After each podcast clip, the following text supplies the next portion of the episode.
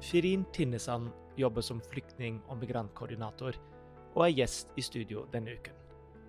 Hun forteller om arbeidet sitt på Soria-flyktningleiren på Lesbos og ved grensen mellom Polen og Ukraina. Hvorfor er hun skeptisk til både frivillige bistandsarbeidere og norsk media? Du lytter til Dag og Tid-podkasten.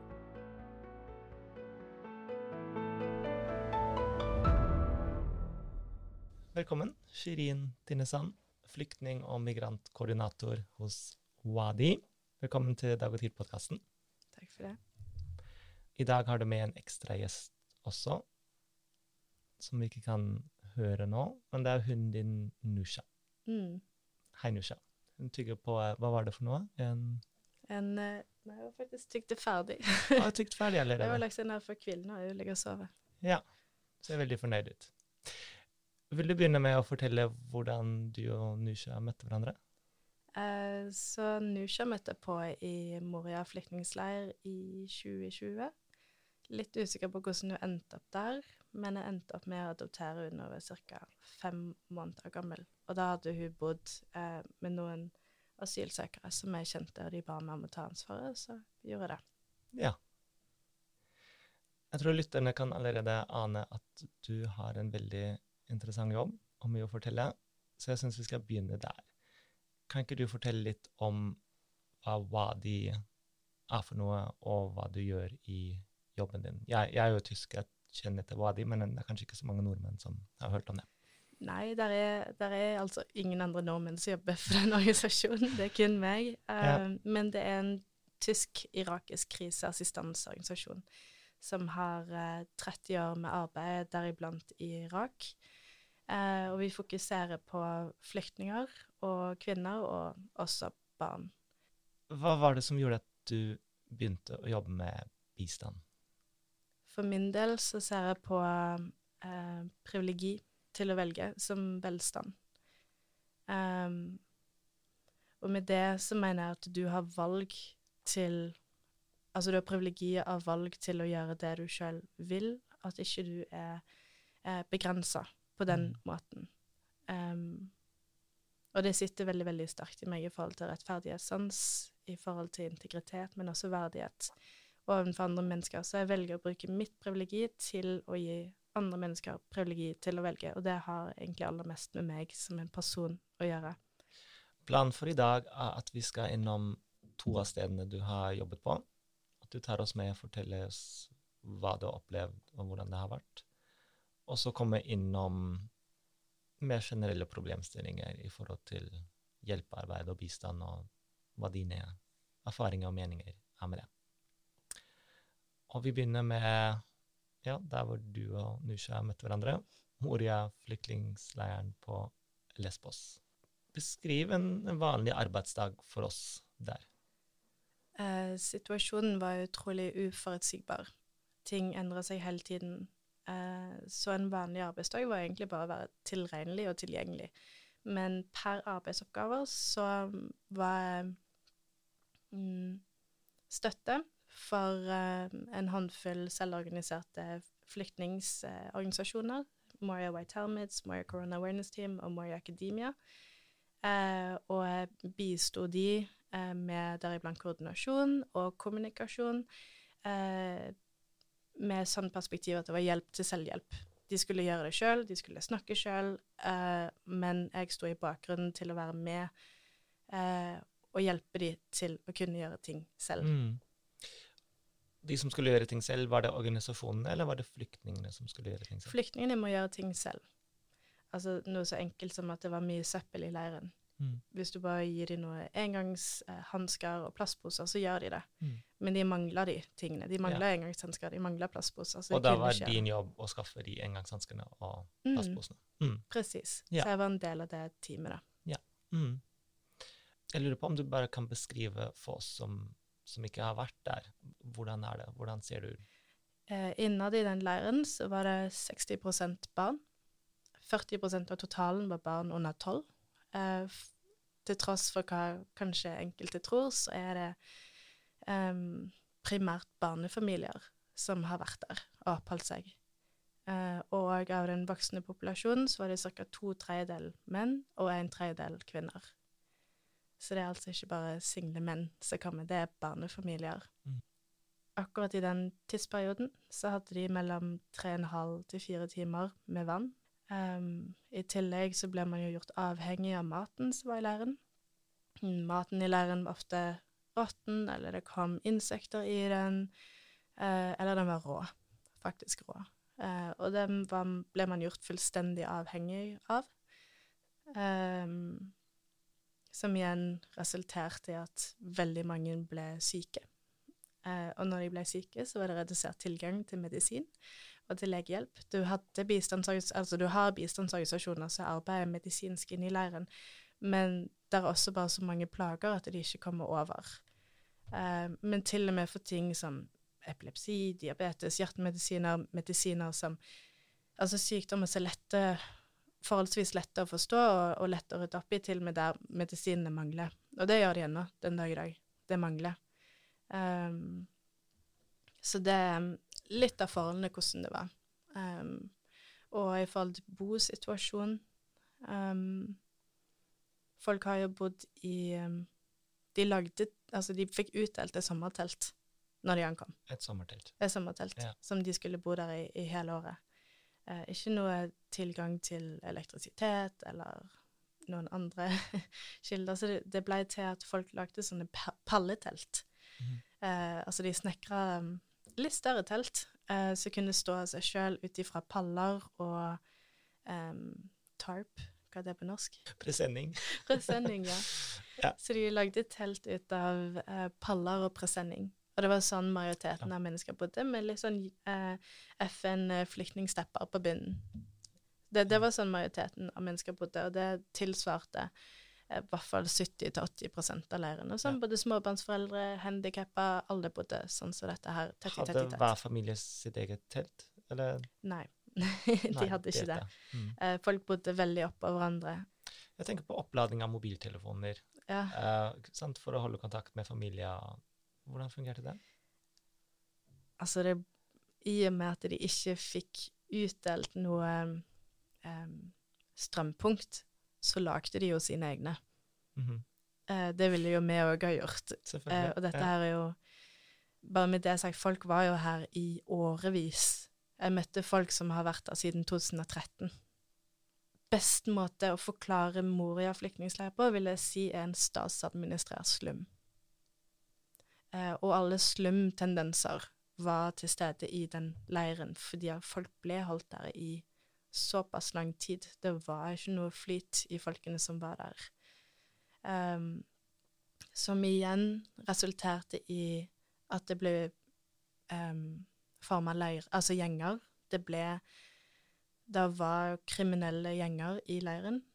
Med det sagt, det var ikke de det var majoritet av. Um, må også understreke at folk ikke i utgangspunktet var voldelige, men det ble satt inn i en situasjon hvor um, de ble sårbare, og hvor folk var nødt i enkelte situasjoner å utvise enkelte voldelige tendenser rett og slett bare for å beskytte seg sjøl. Mm. Og det var det som eskalerte over våren i 2020. Mm. Der var gjengopprør nesten hver eneste kveld. Eh, utallige mennesker ble drept. Um, jeg har sjøl vært vitne til at mennesker har blitt knivstukket på, altså midt ute på hovedgaten. Eh, eller at man kommer til leiren fra den ene dagen til den andre, og så ser man Man vet jo godt at det har skjedd, men det blir noe annet når du ser blodige fotspor i, eh, i bakken. Og de var der. De var der helt fram til regnet tok det. Eh, kvinner etter klokka syv, når det begynte å bli mørkt, hadde ikke gått ut på do. Etterspurte om jeg kunne komme med sånne tjukke bind eller bleier, voksenbleier, så de kunne sove med, i frykt for eh, å bli overgrepet om natten. Um, men sånn uansett så bodde jo folk i presenning og palletelt. Det var jo ikke sånn at det var en dør du nødvendigvis kunne lukke så godt igjen. Nei. Så volden er veldig deskriptiv av den tiden her. Og folk kjente på en fullstendig hjelpeløse, som de ikke hadde kjent på tidligere, fordi de også følte at de hadde blitt forlatt. Uh, og det er midt oppi en epidemi. Ingen som kommer og en, en forteller dem hva dette her er. Det måtte de gjøre sjøl. Det er det Moria Corona Awareness-teamet skaper bevissthet i leiren om at det skjer en pandemi i verden. Mm. For det var det ingen som informerte de om. Vi skal videre til neste prosjekt. Um, for det siste oppdraget ditt, det var ved den polsk-ukrainske grensen. Uh, hva gjorde du der? Så jeg ble henta inn i mars igjen, eh, helt i begynnelsen av mars, til Polen av lokale aktører for å bistå i selve evakueringsarbeidet av eh, ukrainske eh, flyktninger som ankom Polen. Så på kun en liten uke så ankom det over én million eh, ukrainske flyktninger over den polske grensen. Og med det så var det en hel del eh, sikkerhetstrusler ovenfor de sikkerhet mm. som kom med. Som hva, hva da? Hvilke eh, sikkerhetstrusler? Deriblant um, Allerede før krigen brøt ut, var ukrainerne en især utsatt gruppe for eh, seksuell vold og seksuell utnyttelse. Eh, og skårer veldig, veldig høyt på de ikke bare europeiske, men også globale statistikkene overfor sårbarheter. Eh, så den første tendensen var at vi så på deep web eh, at det ble lagt ut tips og triks på hvordan man kan trafficke eh, en ukrainsk kvinne, en ukrainsk flyktning, på best mulig måte. Deep web, det er liksom den, den mørke, ja, det mørke internett? Ja. altså, vi kalte jo situasjonen for en candy shop eller godtebutikk. Eh, og at det var jul, påske, mm. eh, 17. mai, alt på en gang. For menneskehandlere. For menneskehandlere, fordi at det mm. var så lett for de å få tilgang. Det var bare å dra ut til flykt... Altså til uh, hva som helst um, transportpunkt. Mm -hmm. Stille seg opp med en plakat, uh, tilby hjelp. Og folk visste ikke hvor de skulle gå, de visste ikke hvem de kunne stole på. Hva er de offisielle prosessene? Du kommer inn i et land, du kjenner ikke språket, du kjenner ikke rutinene, og du kommer i tillegg veldig stressa. Og på toppen av det så kommer det primært kvinner som reiser alene fordi at alle kampdyktige menn ble bedt om å være igjen i, i Ukraina. Så det og, og, for å ta det enda et skritt videre, imens flyktningene i, i Moria ble holdt fast, så hadde flyktningene, så hadde ukrainerne egentlig litt motsatt sårbarhet. At de kunne bli transportert hvor som helst i Europa uten at det ble tatt engang en liten passsjekk. Kan du komme med et eksempel på hva du gjorde for å forhindre at sånn type trafficking, menneskehandel, uh, skulle skje? Uh, så det kom jo en hel del uh, privatsjåfører, og også sjåfører på vegne av organisasjoner, som tilbudte seg å relokalisere, altså å flytte, transportere mennesker fra et land til et annet land. Uh, og man hadde ikke peiling på om er dette gode folk, er det dårlige folk, har de lov til å gjøre det? Uh, så det ble satt opp uh, en egen liten gruppe som skulle sjekke og be om dokumentasjon, kommunisere med disse folkene, se om det virker greit. Um, og der er det litt ting å si. For, det, for eksempel, vi, vi fikk inn um, forespørsmål om at ja, har de bra tenner? Og det er en helt rar ting å si i en sånn situasjon. Hvis du kommer for å tilby deg å transportere flyktninger, hvorfor ber du om tenner? Eller ja, virker de sterke? Tror du de kan løfte på tunge ting? eh, eller vær så snill, jeg vil bare ha én singel ukrainsk jente, helst under 23. Det var også en, en reell forespørsel som vi fikk. Den er ganske åpenbar, den. Ja. Det, det, er i hvert fall noe som blir flagget internt, ja. og man må prøve å dykke litt dypere i hva, hva er det som skjer her. Sjøl gode aktører som ankom, mista hodet sitt fullstendig. Eh, at de kommer og er helt paniske og er sånn 'Jeg har ikke sovet mer enn fire timer totalt på hele uken.' eh, 'Nå må du fylle opp bussen, sånn at jeg kan kjøre tilbake til der og der.' Og så stinker de alkohol. Og det er ingen indikasjoner fra min side som tilsier at dette her er trygt. Det er trygt for meg å overlate ansvaret til dette vedkommende. Mm. Eh, og jeg forstår jo at de har hatt press på seg, for, eksempel, for da har jo de gjerne samlet inn penger og, og, sagt at de skal gjøre den tjenesten her. Men det var ingenting i den situasjonen som gjorde det trygt, Mm. fra det perspektivet hvor jeg sto. Og da måtte jeg være den tøffe og si det at eh, du må ta vare på deg sjøl før du har kapasitet til å ta vare på andre. Nå tok du oss med på to av de stedene hvor du har jobbet med, med bistand og mennesker i krise. Og jeg, jeg er nysgjerrig på hva dine tanker er om å møte disse menneskene som, som er i en krisesituasjon. Hvordan, hvordan møter du dem? Likestilt. Um, for min del så ser jeg ikke asylsøkere eller flyktninger. Jeg ser Altså, det er bare en beskrivelse på den situasjonen de befinner seg i. Mennesker er mennesker uansett hvor de er fra, hva situasjon de er i.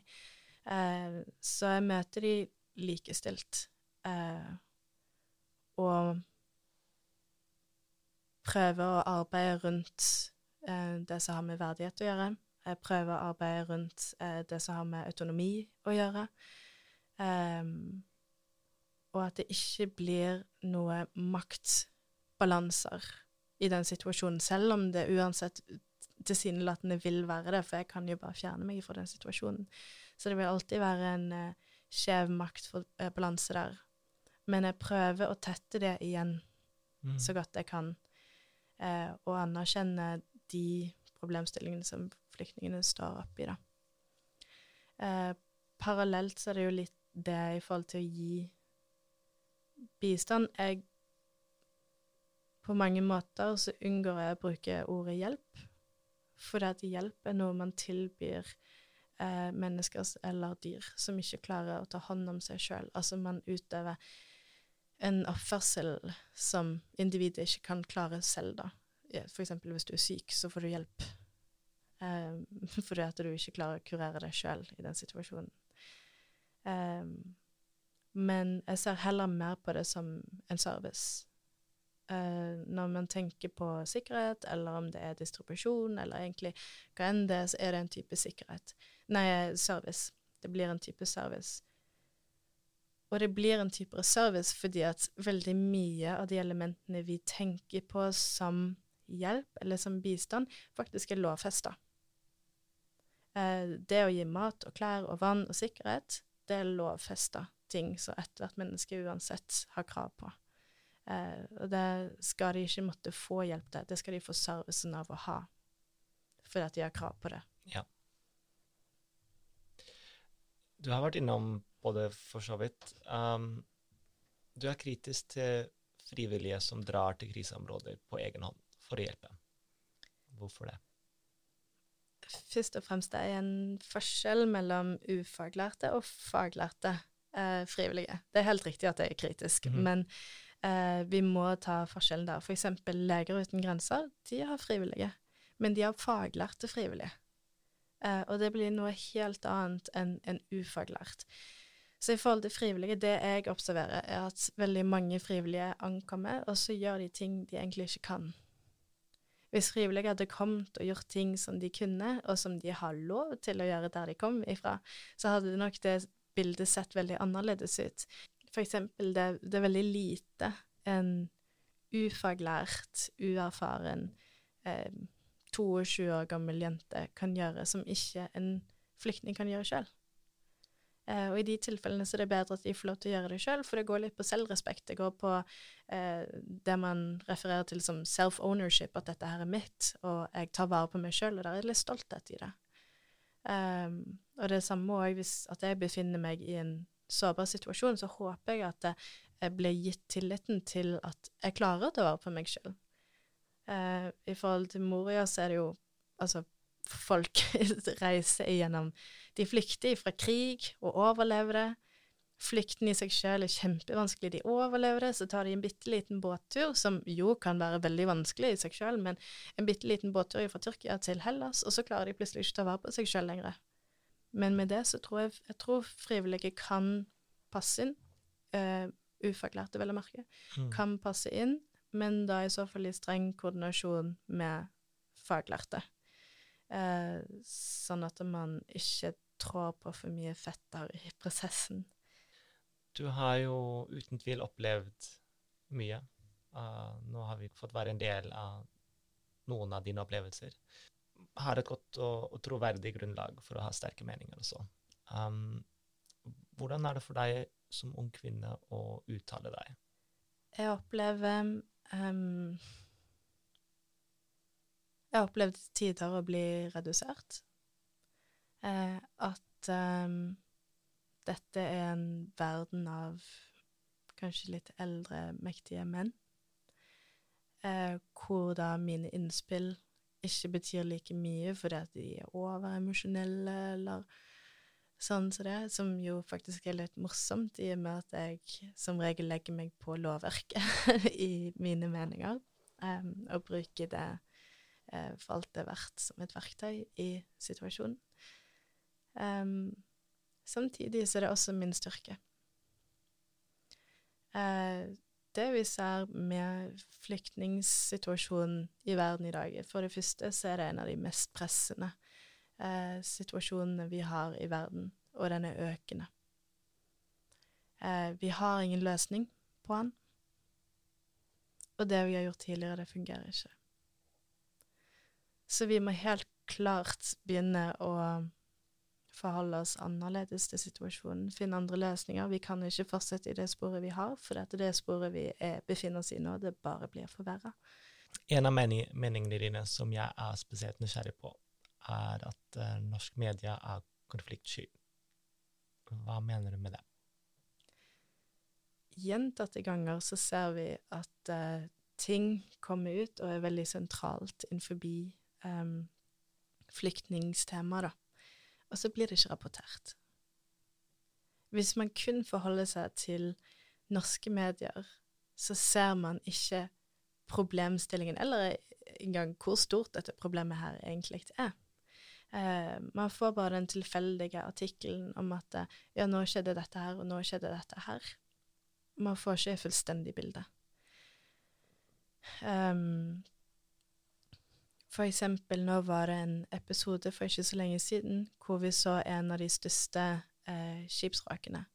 Eh, det var hundretalls mennesker eh, involvert i den ulykken, og det ble ikke dokumentert før det hadde gått minst Altså, det, NRK Dagsrevyen, mener det var, eller Dagsnytt, tok det opp. En bitte liten sending eh, fem dager seinere. Eh, og så kommer det en bitte liten artikkel fra TV 2 på ca. en halv side om at det hadde skjedd. Det er en av de største skipsvrakene vi har hatt. Hva tror du er grunnen til det? Um, jeg tror det er flere grunner til det.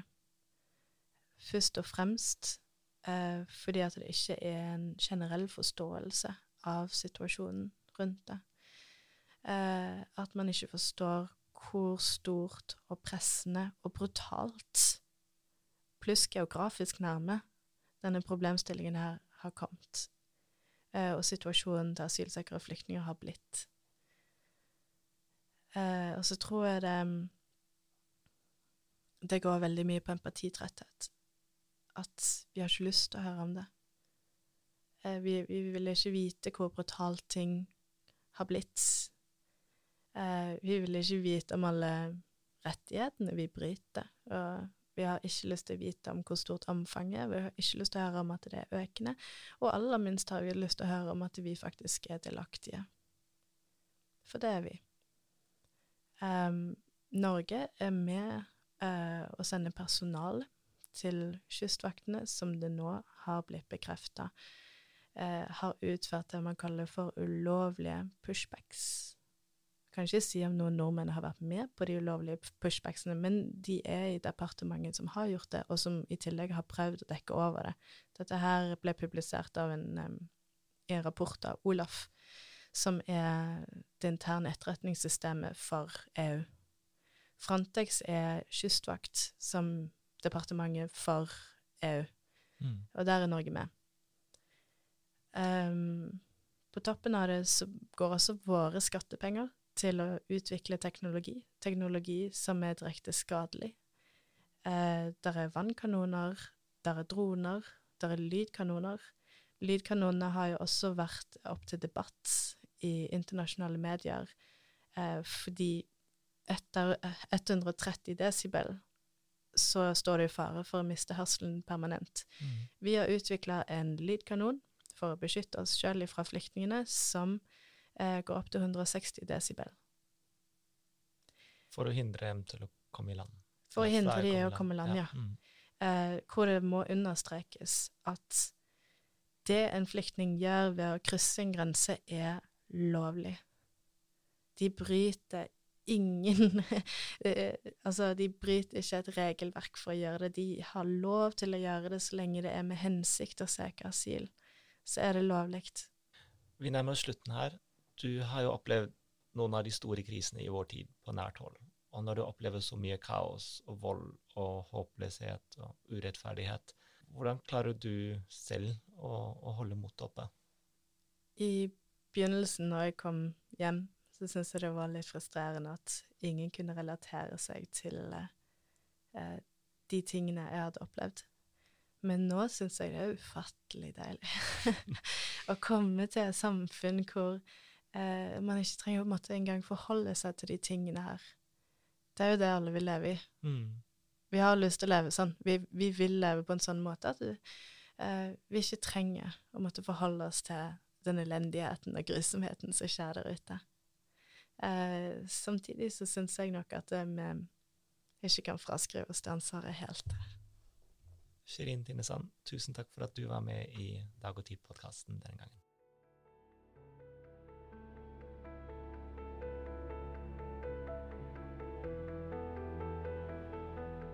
Du hørte på Dag og Tid-podkasten.